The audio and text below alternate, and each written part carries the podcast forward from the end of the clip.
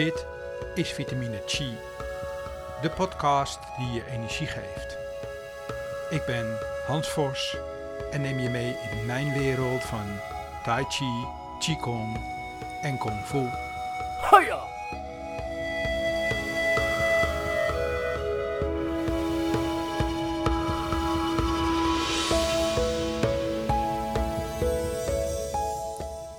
Anderhalf miljoen mensen in Nederland zijn er regelmatig mee bezig. Thuis, in de gym, online of bij een leraar. In iedere stad of dorp is er wel een school. Ja, vitamine Chi kan er niet omheen. We hebben het vandaag over yoga. We spreken vandaag met Marciel Witteman. Super tof dat je er bent. Dankjewel Hans. Ik vind het uh, ontzettend leuk om hier te zijn. Ja. Ja, nooit geïnterviewd. Nou kijk, dat bedoel ik. Dus nou, eerste interview. Ja. Hey, ehm, kan je jezelf even kort een beetje voorstellen aan de luisteraars die jou dan nog niet zo goed kennen? Ja, nou, ik ben Marciel. En ja, wat zal ik vertellen over wat ik doe, denk ik? Het belangrijkste is dat wij elkaar kennen uit de winkel waar jij werkt, in Five Fingers. Omdat ik een aantal jaren geleden, na langere tijd yoga te doen, daarover wilde schrijven. Ik ben een blad begonnen en eigenlijk was jij van het begin af aan heel enthousiast. En waar we meteen, ik heb jou ook wel eens in het blad gezet. En dat blad bestaat nu 3,5 jaar. Maar er zit een heel verhaal eigenlijk daarvoor. Ik heb tot mijn dertigste ongeveer in muziek gezeten. Bandjes, horecawerk. Altijd al yoga gedaan, geïnteresseerd geweest in spiritualiteit. En daarna wilde ik graag kinderen. En toen dacht ik, nou die muziek, dat, uh, die busjes rijden met uh, die dronken mannen naar huis, dat was ik wel uh, zat. en um, ik schreef altijd al. En toen heb ik me eigenlijk laten, nou niet laten omscholen. Ik ben terechtgekomen bij televisie. Ik ben bijna 15 jaar scenario schrijver geweest. Ik kreeg kinderen, een tweeling. Mm -hmm. En als scenario schrijver, ja, animal, soaps, comedy. Ik heb echt heel veel gedaan. Noem er eens één op. Onderweg naar morgen. Onderweg naar GTST, daar ben ik begonnen. Okay. En verder uh, Goudkust, ah. Westenwind, Ah, okay. okay. Roosgeur, Wodka Lime. Ik heb drie jaar geleden nog een toneelstuk geschreven. Mhm. Een spirituele comedy. Mm -hmm. Die heette Chakra's en Chardonnay. en eigenlijk is het nu een beetje stil op dat front, want het is toch wel lastig. Ik ben uh, iemand die erg enthousiast is over verschillende dingen. En ik kan ook verschillende dingen. Dus op een gegeven moment moet je gewoon kiezen. En dan wordt het blad maken, daar verdien je ook je geld mee, wordt de hoofdmoot. En verder is mijn interesse in uh, yoga en spiritualiteit, met name meditatie. Ja, of is echt wel een heel groot deel van mijn leven geworden. Mooi. En wel weer een beetje muziek maken, dus ik speel weer sax. Nou, dat is een mooie introductie, verhaal, dankjewel. Mijn allereerste vraag is natuurlijk, wat betekent yoga persoonlijk voor jou? Buiten het blad maken, buiten alles wat er omheen is, wat betekent yoga voor jou persoonlijk? Ja, nou ik denk dat de yoga is het belangrijkste onderdeel. Maar omdat ik schrijver ben, schrijf ik erover, want je doet er iets extra's mee. Maar ik deed altijd wel op en af aan yoga vanaf mijn zestiende. Um, maar op een gegeven moment rond mijn veertigste ben ik echt weer fanatiek geworden. Twee keer in de week hatha yoga. En ik merkte dat ik daardoor zo ja, eigenlijk veranderde. De, de, de diepere lagen in mezelf aansprak. En ja, ook toch echt rustiger werd. Um, ja, je vindt eigenlijk iets van je, je eigen kracht vinden. Ja, het klinkt allemaal als van die spirituele platitudes. Maar mensen die met ons werk bezig zijn, uh, yoga, meditatie, uh, qigong, alles wat met energetisch werk te maken heeft. Hè, jezelf goed gaan voelen en steeds een dieper laagje. Mm -hmm. Ja, dat is zo'n enorm geschenk. Ik zou nooit meer zonder kunnen, eigenlijk eerlijk gezegd. Maar ik denk dat ik het ook niet meer zonder doe. Ik geef nu les, mm -hmm. een paar keer in de week. Dat is niet de hoofdmoot, dat is een bijinkomen. Maar ik vind het belangrijk om het te delen. En uh, verder deel ik dat mijn ideeën en visie daarover via het blad. Omdat ik ook roeping heb dat ik wil andere mensen laten zien wat dan fijn is. Want mensen vragen ook vaak, vroegen op een gegeven moment vaak... maar wat is dan de goede yoga voor mij? En eigenlijk is alle yoga goed. Ik vind al het lichaamswerk goed. En voor mij persoonlijk, ja... Ik, ik, vind het... Het is misschien wel het belangrijkste wat er is. Diep bij jezelf. Waarom werd het yoga? Ik bedoel, er zijn natuurlijk zoveel andere vormen om je spiritualiteit te ontwikkelen... of je gezondheid te verbeteren. Nou, omdat ik al wat ervaring had met yoga. Mm -hmm. Het is, ik geloof dat alles in het leven is een soort van groot toeval of niet. Dus je bent al met dat lichaamswerk bezig en wat yoga is. En toen kwam ik op een gegeven moment bij Gert van Leeuwen. En daar vond ik de mensen prettig. Ik vond zijn humor prettig. Hm. De precisie van zijn lessen. En daar ben ik ook toen meteen de opleiding gaan doen. En daar ben ik zeker vijf jaar heel in- intens met de yoga aan de gang gegaan. Maar ook door de verbinding met de mensen die je daar voelt. Het waren muzikanten, er zaten wat psychologen bij, maar mensen met humor. Ja. Niet allemaal hoog Een opgeleid. mix, Een mix van mensen, maar wel gelijkgestemden. Dus een aantal mensen die ik daar heb leren kennen, ook waar ik de opleiding mee samen heb gedaan, zijn echt goede yoga-vrienden geworden. En dus dat is iets. Je komt op een gegeven moment ergens in een omgeving waar je en ten eerste je oren overeind gaan staan, hè, zo noem ik dat altijd. Je oren gaan overeind, je denkt, oh, ik hoor nu van alles wat ik ook wil. Mhm. En dan op, in een omgeving waar je heel veel verbindingsgevoel hebt met de mensen die er zijn. En dan denk je, hier wil ik zijn. Dus daar werd het yoga. Maar misschien als ik bij jou bij je. Qigong terecht was gekomen... of jou eerder had ontmoet... was ik misschien wel helemaal voor die Qigong gegaan een tijd. Nou, daar ben ik wel zeker van, maar goed. Even kort, ik vind Qigong ik, door het blad. Want het gaat niet alleen over yoga. Het heet Yoga International, maar er staat ook veel in over Qigong, meditatie. Alle vormen van embodiment. Ik geloof wel heel erg in belichaming. Er zijn mensen hier hè, op aarde, voeten op de grond, hoofd in de lucht. En dat die embodiment, en dan los van sport... Maar echt het voelen, de chi voelen, dat heet bij ons, ja, ook voelen in je hara. Het is allemaal hetzelfde. Het heeft allemaal andere namen. En, eh, het is natuurlijk al een Oosterse levensfilosofie en overtuiging, maar die wel belichaamd is. Dus het is een belichaamde vorm van spiritualiteit beoefenen. En dat klinkt dan opeens weer heel wijs. Het gaat om het voelen. Maar ik vind Qigong heel mooi, want yoga flow lijkt daar een klein beetje op. Dat je dus traag beweegt vanuit energie en voelen.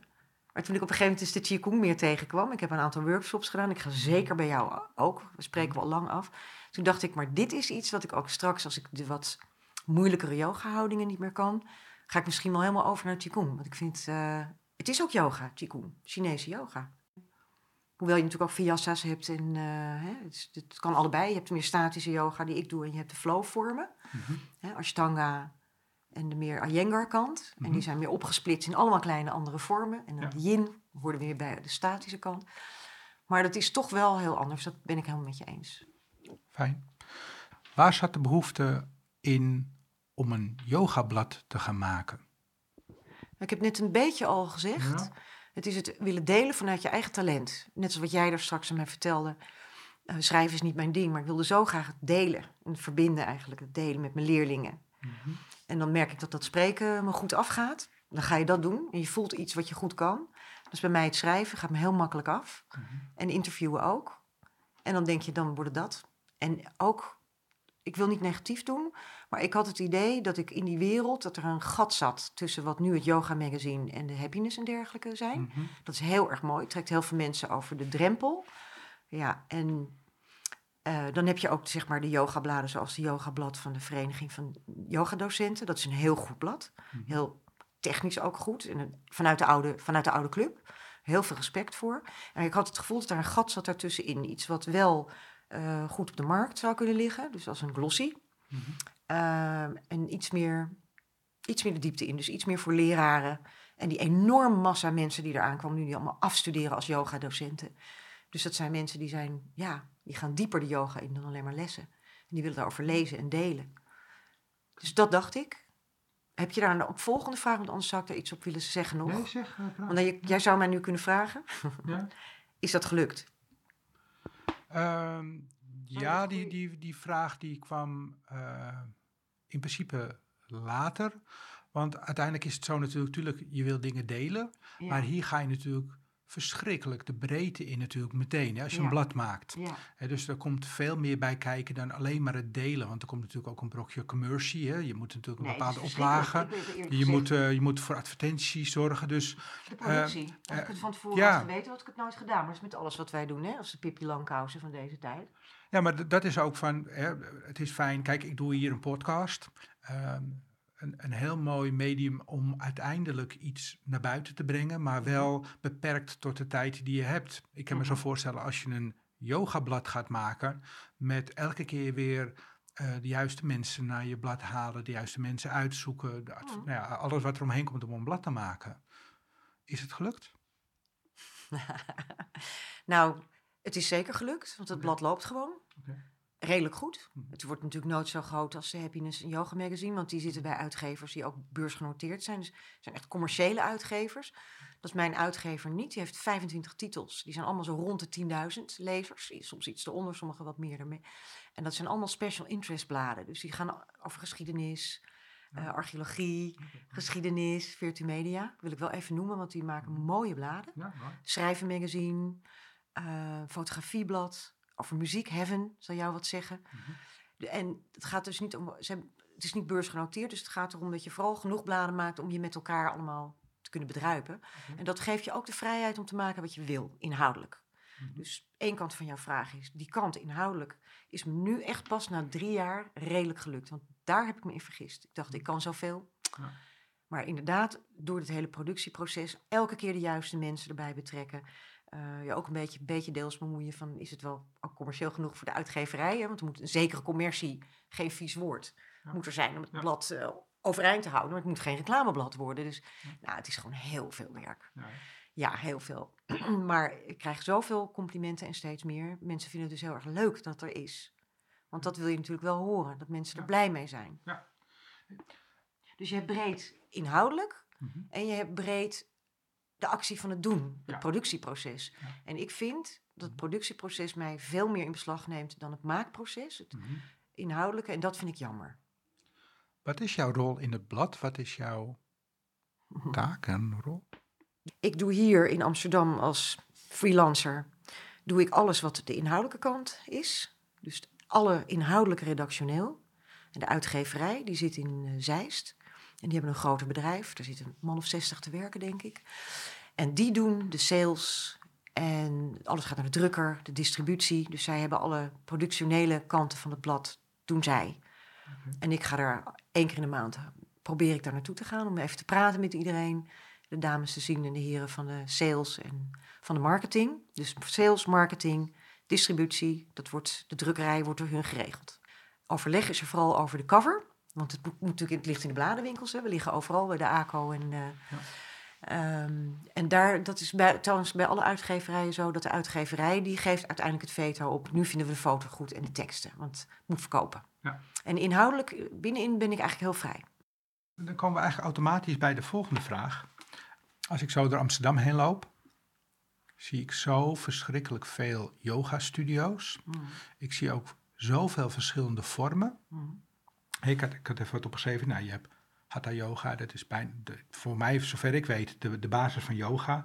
Maar ik kwam laatst hot power yoga tegen. Mhm. En op internet kwam ik zelfs Rocky Mountain Goat Yoga mhm. tegen. Waarbij je je oefeningen doet als er een paar geiten door mhm. de klas heen lopen. Ik kan me zo voorstellen dat het best wel moeilijk is om dan je weg te vinden als blad tussen al die soorten en vormen. Ja, nou, dat is niet zo moeilijk. Want op een gegeven moment leren mensen mij kennen. Die gaan natuurlijk ook benaderen of ze horen het. Mhm. En ik probeer zoveel mogelijk mensen de kans te geven of om in het blad te komen. Of, want we hebben ook een website of mhm. een blogs te maken. Want ik vind alle yoga goed. Echt waar. Ja, ja ik, ik, vind, over ik vind wel uh, dat mensen die langer bezig zijn. En weet je, het gaat gewoon over het meditatieve aspect van de yoga. En het ademhalen in de yoga. En je houdingen op een vrij correcte manier doen. Mhm. Dat mensen veilig, vooral nadruk op veilig en met plezier yoga kunnen beoefenen. Dat brengt zoveel, dan maakt het me niet uit wat ze doen. Ik ben laatst ook naar geitenyoga geweest. Van tevoren lag ik me denk, nou dat zal wat wezen. Het was gewoon hartstikke mooi in het stro. En je ligt er makkelijke yoga-houdingen en zonnegroetjes te doen. En die geitjes die tegen je aan liggen. Echt waar. Ik binnenkort komt die dame van, uh, ik ben even de naam kwijt, die bij het Amsterdamse Bos. Die komt erin, een ongelooflijk leuke dame die al heel lang had haar yoga doet. Ze is gewoon hartstikke goed en het is heel leuk. Heb je niet het gevoel dat je op een bepaald moment weggaat van de kern waarom je iets doet? Ik als mens, als yogi of, of die andere mensen allemaal die met die andere vormen bezig yogi, zijn? Want ik, ik, wil, ik wil eigenlijk, wat ik heel fijn vind is ehm, ehm, dat ik weet zeg maar wat de kern van het blad is. Hè, mhm. Hoe serieus neem je, je je eigen leer om uiteindelijk dat is ehm, lastig. Uh, een, een, serieus blad te maken, waardoor dus niet uh, het een soort van freakshow wordt of dat het een soort van nou, voor iedereen wat wils. Heb je, lees je mijn blad? Ik heb hier. Ik heb echt moeite om er, uh, om er eh, genoeg yoga in te zetten. Want het is voor mij meer een soort levensovertuiging en een visie van die humor en die diepgang. Ja. Dus er staat ook veel qigong in. Mhm. Kunst, kunstenaars die aan yoga of qigong doen. Meditatieleraren, masters. Ja. Alles kan erin, Mhm. behalve als mensen spirituele platitudes gebruiken. Dus lege woorden en zinnen gebruiken om iets over te brengen. Het moet waarachtig zijn en authentiek. Mhm. Sommige mensen kunnen dat fysiek heel goed overbrengen, maar niet in woorden. Dat is ook interessant. Ja. Dus voor mij gaat het daar vooral om. En die yoga-vormen die er zijn, daar heb je mensen in. Ze bedoelen het allemaal goed. Hans, ik eerlijk gezegd, nou ja, zelfs Bikram. Ik weet niet of je daar straks mij over wil vragen of ik Nee. nu een voorsprong neem.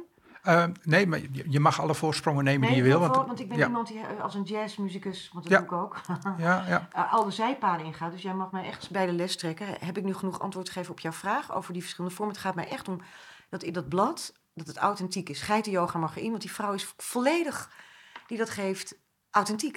Het is echt heel leuk, het is echt yoga. Ook Bikram was dat. ja, Bikram heb ik... eh, Bad teacher. eh, ik heb eh, Bikram, ik heb zelfs op Netflix had een hele Ja. mooie documentaire over Bikram Ja? yoga. Het, ja, het, het hele mooie van, tenminste wat ik vond van de documentaire ook, was dat Bikram was dus een, een, een teacher, hè? En uiteindelijk eh, eh, was zijn bedoeling, zover ik kon zien, ook namens eh, de, de, naar de documentaire kijkende, was dat puur oprecht. En ik vind dat ook tragisch, hoewel het niet tragisch is, want hij geeft nog steeds lessen en weer. En hij misbruikt misschien mensen ook. En het is natuurlijk een MeToo-figuur geworden, dus hij is een Ja. bad teacher nu. Ja. Maar ik vond wel heel mooi om te zien, die documentaire, dat hij wel heel authentiek en eerlijk begonnen is. Nou, En een goede leraar. Nou, zelfs aan het einde was hij niet overtuigd. Maar hij was ook overtuigd dat hij wat Ja. hij deed ook klopte. Hè? Dus in zijn hoofd klopte het plaatje wel. Alleen als buitenstaander niet meer. Ik bedoel, als je les geeft aan een zaal wat groter is dan de RAI... Ja. en daar dan denkt dat je nog iets kan lesgeven... dan, ehm, dan denk ik dat je het, ehm, dat je het een beetje Nou, kwijt bent. Het moeilijke in dat hele MeToo-gebeuren en met grote leraren, want je hebt yoga-leraren die echt heel groot worden, ook meditatieleraren. En dan is het even het onderwerp, want eh, door Bikram en door wat andere figuren, John Friend, eh, er zijn er nog een paar, die zich misdragen hebben. Osho eigenlijk ook. En eh, nou ja, er zijn, dit komt steeds op. Ehm, is het wel een heel belangrijk onderwerp geworden, want juist in onze wereld trekt het ook vaak mensen die tijdelijk in een dip zitten of een zwarte periode hebben aan. En die kunnen vaak door jouw qigong en mijn yoga zich helemaal lekker gaan voelen. Ja. Of een grote leraar gaan volgen, is allemaal prima. Maar als zo'n leraar niet af is, of niet, ja, hoe moet je dat noemen? Mhm. Die is een beetje narcistisch. Ja. En dat, eigenlijk kan dat niet echt een beetje narcistisch, maar het begint met een beetje. Dan wordt het een uitwas. En die, ja, die gaan helemaal op in dat, in dat machtsvertoon. Ja. En dan gaan er mensen, dan krijg je slachtoffers. En dat is natuurlijk eh, heel erg jammer. Ja. En, nou ja, maar het is overal. Sportleraren, Ja. psychiaters, het zit eigenlijk overal. En eh dat is gewoon heel erg jammer. Er, er moet een bepaalde ver- vertrouwensband in zitten, wil je dat eh, kunnen doen. Maar dat is, als, dat is lerarenervaring. Jij geeft ook Ja. al heel lang les. Ja. En op een gegeven moment weet je wanneer, wie je kan aanraken en wanneer en waar. Ja, ja. En, eh, en de jonge mensen die net afgestudeerd zijn, die dat vaak heel houterig doen of zeggen: Mag ik je even aanraken? Dan lig je er al meteen af als leerling.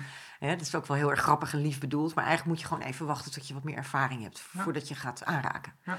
En daar worden tegenwoordig ook wel steeds meer cursussen of bijscholingen voor gegeven. Maar ik zou zeggen: niet doen. En, eh, en anders alleen maar als je zeker weet, je, je gaat het voelen op een gegeven moment of je iemand ergens even een, Ja. een beetje kan corrigeren. Ja. Maar dat is natuurlijk heel lastig. Mooi. Nou, wel een mooie, mooie stelling.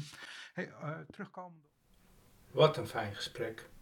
Maar nu is het toch echt tijd voor de column in de podcast met Marcel van Sticht. Hier is uh, going. Ja. Oké, beste luisteraars. eh, deze podcast gaat over yoga. Dus laat ik mijn column er ook eens aan wijden. De betekenis van yoga. Want yoga, wat betekent dat nou eigenlijk? Ik ben maar eens een eh, rondje gaan googlen. En als struineld door het internet kwam ik regelmatig het woord juk als betekenis tegen. Yoga zou juk betekenen. Nu kun je met het woord juk eh, heel veel kanten op. Maar als ik het goed begrijp, wordt die gedoeld op het juk waarmee bijvoorbeeld twee ossen of paarden worden verbonden. Zo bundelen ze hun krachten. Eh, daar zit wat in. Het juk zorgt in dat geval voor eenheid. En ja, dat zie ik terug in yoga. Door middel van ademhalingsoefeningen, lichaamsoefeningen, concentratieoefeningen en meditatie zorgt yoga voor eenheid in lichaam en geest. Dat is niet altijd even makkelijk. Neem alleen maar de oefening om beurtelings op één been te staan en de voet van het andere been in je handen te nemen. Behoorlijk lastig, maar ik moet zeggen dat het me steeds beter afgaat. Ik moet er dan echter niet te veel over nadenken. Wat mij helpt, recht vooruit kijken en door het raam in de achterwand naar buiten turen.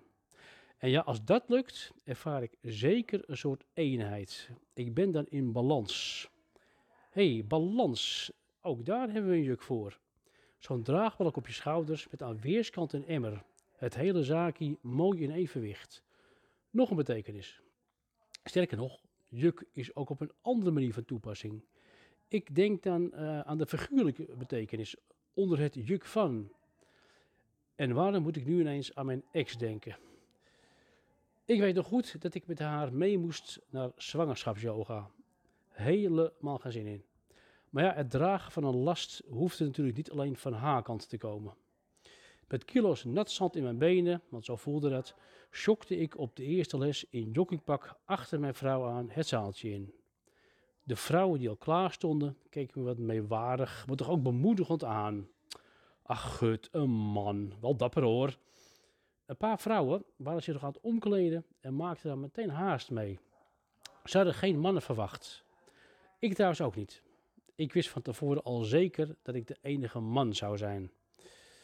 Samen met mijn vrouw vormde ik een kring met de andere dames en we gingen op een matje zitten. Een paar keer maar hoefde ik in actie te komen. En er werd er alleen van me verwacht dat ik pal achter mijn vrouw ging zitten om haar te ondersteunen. Tijdens een van de oefeningen moest, ik puff, moest ze puffen op het ritme van een aangereikte zin. Deze week komt nooit meer terug. Deze week komt nooit meer terug. De dames onder de luisteraars kennen dit misschien wel. Twee dagen later stond de tweede les op het programma en ook daar moest ik bij zijn. Het voordeel was dat de dames nu aan mijn aanwezigheid gewend waren. En zelf heb ik het uurtje glansrijk doorstaan. Ik zong zelfs zachtjes mee. Deze week komt nooit meer terug. Deze week komt nooit meer terug. Toch voelde ik me heel opgelucht toen het weekje zwangerschapsyoga definitief voorbij was. Met 400 reds liep ik voor mijn vrouw uit naar de auto.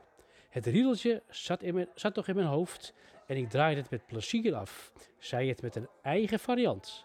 Deze week komt nooit meer terug. Deze week komt nooit meer terug. Dat was hem voor deze keer. Ik hoop dat jullie een leuk verhaal vonden. En graag tot de volgende podcast. Dankjewel, Marcel. Met een, uh, een onbekende man, Harry, uh, Harry Dijkshoorn, heb ik geïnterviewd. Die heeft heel lang vanaf zijn 21ste bij Goenka gezeten. En uh, enorm veel grote leraren gehad, ook een foute leraar. En hij is net twee jaar terug in Nederland. Hij gaat binnenkort ook, hij geeft coachings en trainingen. Maar die bedruipt zichzelf nu door friet te verkopen. Want hij kan nog niet rondkomen van, uh, van zijn leraarschap. Maar het is een hele grote, die gaat bekend worden. Ja, dus die komt in het volgende blad. Die tippen we vast. Ja, ja. Nee, leuk joh. Want uh, ja, het is wel inderdaad gewetensvraag ook wat je zegt over die... Uh, wie er wel en niet inzet, of geen gewetensvraag. Ik, ik voel gewoon zelf wanneer het goed is. En ik geloof niet zo in, in de slechte leraren. Nee, Waarom zou je het doen? Die, die, enkeling die het echt puur, die denkt, hé, hey, yoga is hot. Ik doe een opleidingje van 200 uur yin en ik ga een opleiding geven. Die vallen toch uiteindelijk door de mand. En iedere leraar trekt zijn eigen leerlingen. Ja. Misschien zijn het vrienden uit zijn eigen. Dat doen de meeste beginners. Die hebben vaak leerlingen uit hun eigen familie en vriendenkringen. Dat is ontzettend mooi om ja. daarmee te oefenen. Ja. Ik ben ook. Ik geef nu zeven jaar les bij Yoga Lab. Ja. ja. Ik geef op maandags stoelyoga-les aan mijn moeder en vijf andere oude dames. Mooi. Al zeven jaar. Okay. En die zijn er nog steeds. Ja. En die leren mij ook leraar te worden. Okay. En ik geef nu nog twee, drie keer in de week les bij Yoga Lab. Okay. En daar geef ik critical alignment gecombineerd met yin, want bindweefsel erbij en meditatie. Dus vrij technische yoga. En ik denk wel met best wel wat humor. Belangrijk? Voor mij wel heel belangrijk, ja. ja. kan een beetje gelachen worden tussendoor. Maar wel heel precies. En ik heb ontzettend leuke leerlingen. Ja, meestal tussen de gemiddeld 10, 11, 12 leerlingen. Het is een kleine intieme studio. En ik heb ook wel eens onrustig gedacht, wil ik niet nog meer leren en grotere? En wil ik ook niet misschien een beetje een bekende leraar worden? Ik denk het Nu eigenlijk niet. Ik vind dit gewoon heel mooi om het zelf te blijven beoefenen, om het goed te begrijpen. En ik ga soms ook graag naar andere yoga-vormen toe om het te begrijpen en te voelen. En ehm, ja. Nou, je hebt nog alle tijd, toch? Wat, wat ook één uh, onderwerp van het interview wat ik toen las over yoga, en ik vond het wel heel mooi, dat, dat was dan een, een uh, onderzoek uit de US. Het ging erom dat 88% van de mensen die op dit moment in yoga doen, het als een fysieke bezigheid mhm. zien. En mhm. niet meer als een ehm, spirituele bezigheid. Dus de, en dat, dat, merk ik ook wel een beetje als ik door Amsterdam heen loop. De, hot power yoga's. En je moet zweten om uiteindelijk iets te bereiken. Je moet uh, uh, stretchen. En, en, en, maar waar zit de verschuiving, denk je, in waarom het allemaal fysieker wordt. Want uiteindelijk begint het dan, voor mijn gevoel, dan meer op een soort van. Uh, naast de sportschool mhm. activiteit te worden. Terwijl natuurlijk het mooie vind ik van yoga of van qigong is juist dat je die verbreding ook ingaan in persoonlijke groei. Ja, dat komt wel vanzelf. Het zijn heel vaak jonge mensen die wat meer in de yang zitten, in hun energie. En die gaan vaak vinyasa doen of bikram en uh, ashtanga. En die komen vaak ook zo binnen.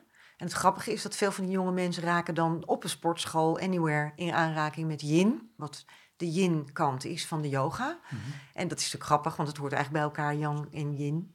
Maar, en dan denken ze, oh, ik werk al zo hard en dan doe ik ook nog die vinyasa en in ieder geval die ashtanga en de, en de bikram. Ik wil eigenlijk dat er ook bij doen. Mhm. Of ik wil juist meer naar die ontspannen vorm van yoga. En dan ga je ook wat meer precies voelen, want dan moet je langer in een houding blijven. Net zoals bij die critical alignment van mij. Dan ga je wat meer voelen en rustig. En dan gaan ze het vaak combineren. Of dus met het ouder worden. Ja. Groeien dan, als je bij de yoga blijft plakken. Of een leraar tegenkomt die jou aanspreekt. Ga je doorgroeien. Dat vind ik wel heel leuk om te zien ook. En jonge mensen zijn ook wat meer vaak met uiterlijk bezig. Hè. Leuk, een leuke broek aan, een leuke lerares. En, uh, en vaak die. Uh, dus dan en vinden ze het ook leuk een beetje hip te zijn. Dat mag allemaal. Mag er allemaal zijn. Ja, ik denk dat het ook meer komt omdat er gewoon heel veel jonge mensen aan yoga doen, waardoor natuurlijk behoeftes anders liggen dan dat je ouder wordt. En maar met, uh, met de, het ouder worden, dan, dan komt er een verschuiving in de, in de behoeften van. Uh, ja, dan wordt het ook wat meer, uh, niet alleen het invoelen gaat soms wat dieper en wat rustiger. Ook het nadenken over waarom. Want het gaat natuurlijk allemaal over verbinden, dat je in jezelf lichtheid en ruimte zoekt. Van daaruit kracht en die lichtheid en ruimte in jezelf koppelt aan de lichtheid en ruimte om je heen. Wat denk ik bij Qigong ook gebeurt. Dan noem je die Qi. Hm. En nou ja, dat, ik denk dat je daar, naarmate je ouder wordt, of meer mee in verbinding komt, of in ieder geval anders. Want er zijn ook jonge mensen die al fantastisch. Ik kom echt, ik ben pas laat begonnen, dus makkelijk om nu te zeggen met 60 jaar, ja, daarom voel ik nu goed. En die oude mensen, waar ik les aan geef, dat is ook echt ontroerend. Zit ik soms moet ik gewoon bijna een beetje huilen.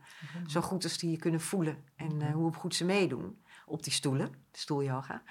Maar ik spreek nu dus ook jonge mensen die ik interview, zoals daar Ilone Inge, die daar mhm. op de cover staat. Mhm. Die is, nou ja, zo jong is ze ook weer niet, is rond 40, maar voor mij jong. Maar die is ook al heel vroeg begonnen. Maar die is, uh, die, die is al heel diepvoelend. En, uh, en ook veel jongere mensen, ook 30 en daarvoor al. Maar je begrijpt denk ik wel een beetje wat ik mhm. bedoel. Hè? het is iets anders, maar het is anders dan toen ik 20 of 30 was. Dus is, blijkbaar is het aanbod is het nu zo gegroeid dat mensen daar heel snel heel dichtbij komen. Ze gaan harder dan ik. Dat is ook weer mooi. Ik vroeg me wel af, want ik, ik heb zelf toen ik, ik ben natuurlijk ooit begonnen om dan even terug te komen bij jouw eerste vraag. Ik heb in 2008 heb ik een boek geschreven. Dat heette In Yogaland. Toen zat ik mhm. nog volop in de televisie.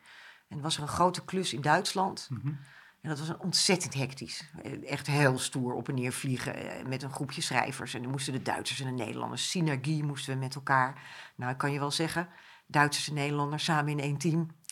De Duitse hoofdschrijver had een, uh, een stoet ja-knikkende mensen achter hem aanlopen met notitieboekjes. En ik was de hoofdschrijver met een andere jongen uit Nederland.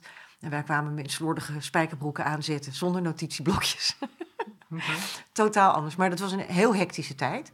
En toen heb ik eigenlijk een jaar, toen deed ik al yoga. Toen heb ik hoe overleef je in die stress van die deadlines. En dat was een soort toppuntjaar. Mhm. Dus toen ging ik de juiste yoga opzoeken. Okay. Land apart. Omdat maar goed, in ieder geval, dat is een heel jaar geweest, het traject. En in die tijd, dus de tweede verhaallijn van mijn boek, mhm. hoe kun je nou in die hysterische toestand, want het was het echt, eh, rustig blijven door middel van yoga en meditatie. Dus ik ging toen op zoek naar wat is dan de juiste yoga en meditatie voor mij. En toen vond ik aan het eind van het jaar de Vipassana, gewoon hier in Nederland in de Pieterspoortsteeg, en de Critical Alignment van Gert. Het project is nooit doorgegaan. We hebben een jaar is daar heel veel geld aan uitgegeven. Dat kwam niet door ons, maar gewoon omdat er een nieuwe, een, eh, een nieuwe producent kwam. Nee, een nieuwe baas. En die zei, oh, weg met dat project. Mijn ego, ik wil een nieuw project. Dus, het was het, dus dat vond ik ook wel komisch. Maar daar is het wel begonnen. Ik ben het boek gaan schrijven en die opleiding gaan doen. En daardoor wilde ik ook blijven schrijven over yoga. En ik kwam nergens terecht. Ik ging eh, met Yoga Magazine en Happiness overal bellen van... eh, kijk, ik heb dit leuke boek geschreven, had het heel goed gedaan. En kunnen jullie mij niet gebruiken als, af en toe als schrijver? Nee, ik kwam nergens binnen. Ja, dan denk ik. Ja. Dan begin ik mijn eigen podium. Zijn er nieuwe projecten voor Marciel in de toekomst? Ga je iets leuks doen? Iets persoonlijk? Ja, gewoon. Nou, ik heb, ehm, ja, ehm, ik wil toch graag eh, meer uitbreiden. En daar ben ik over na aan het denken en kijken. Ik ben wat met wat mensen in gesprek. En dat gaat toch wat meer richting duurzaamheid, wereld, energetisch. En daar zou yoga en mindfulness en meditatie en embodiment een onderdeel van zijn. En ehm, ik ben even aan het uitzoeken of er al veel bladen zijn die dat doen. En aan het praten met mensen. En, ehm, maar wat er, dus mijn interesse gaat daar heel erg naar uit. Ook wat jij ook hebt, energetisch werk. Betere wereld. Ja. Dat, die kant. Weer met die humor en die diepgang, wat jij ook doet. Dus misschien gaan wij nog wel eens meer samenwerken. En of dat in de vorm, soms denk je, oh, het moet weer een blad zijn. Maar wat ik nu al door ervaring weet, dat het blad productioneel zoveel tijd, zo tijdrovend is. Hè, zou het ook een andere vorm kunnen zijn, maar die kant ben ik echt wel geïnteresseerd. En voor mij persoonlijk meer muziek maken, want daar word ik heel erg blij van. Ja. Dus ik ben toch wat meer met mijn saxofoontje in de weer. Maar dat is, nou ja, hobby klinkt stom, maar gewoon daarbij Ja. blij van word. En het andere is dat ik ook wel behoefte heb om te leren. En ik geloof niet dat het zozeer is dat ik nog meer yoga-cursussen of bijscholing ga doen. Mhm. Misschien wel, als ik iets tegenkom. Want ik heb natuurlijk wel weer yin gedaan vorig jaar ook. Want je wil wel bijleren. Maar het zou ook kunnen zijn dat ik meer... ehm, ja, ik zat te kijken naar wat hbo, bijscholingen. Om toch een papier te halen ook om bijvoorbeeld coachings of dergelijke te kunnen geven. Meer maatschappelijk gericht. Dus met al die kennis die wij hebben. Dat ook, want als je het doet vanuit de yogahoek, dan blijft het toch altijd, ze zien toch heel snel of het is de softe sector of zo. En, Maar je eh, wilt breder. ja, ik heb al heel veel trainingen gegeven in bedrijfsleven en eh, in storytelling. En ik weet wat ze daar nodig hebben. Maar ik, dat, daar, daar ben ik een beetje aan het aftasten. Wil ik misschien toch nog niet even een bijopleiding of scholing doen. En, eh, maar het blijft wel altijd, moet creatief blijven. Hou je ons op de hoogte dan? Zeker, ik kom graag weer terug. Heel fijn. Dankjewel. Ja. Ehm, laatste vraag. Ehm, want daar ben ik eigenlijk wel een beetje benieuwd naar.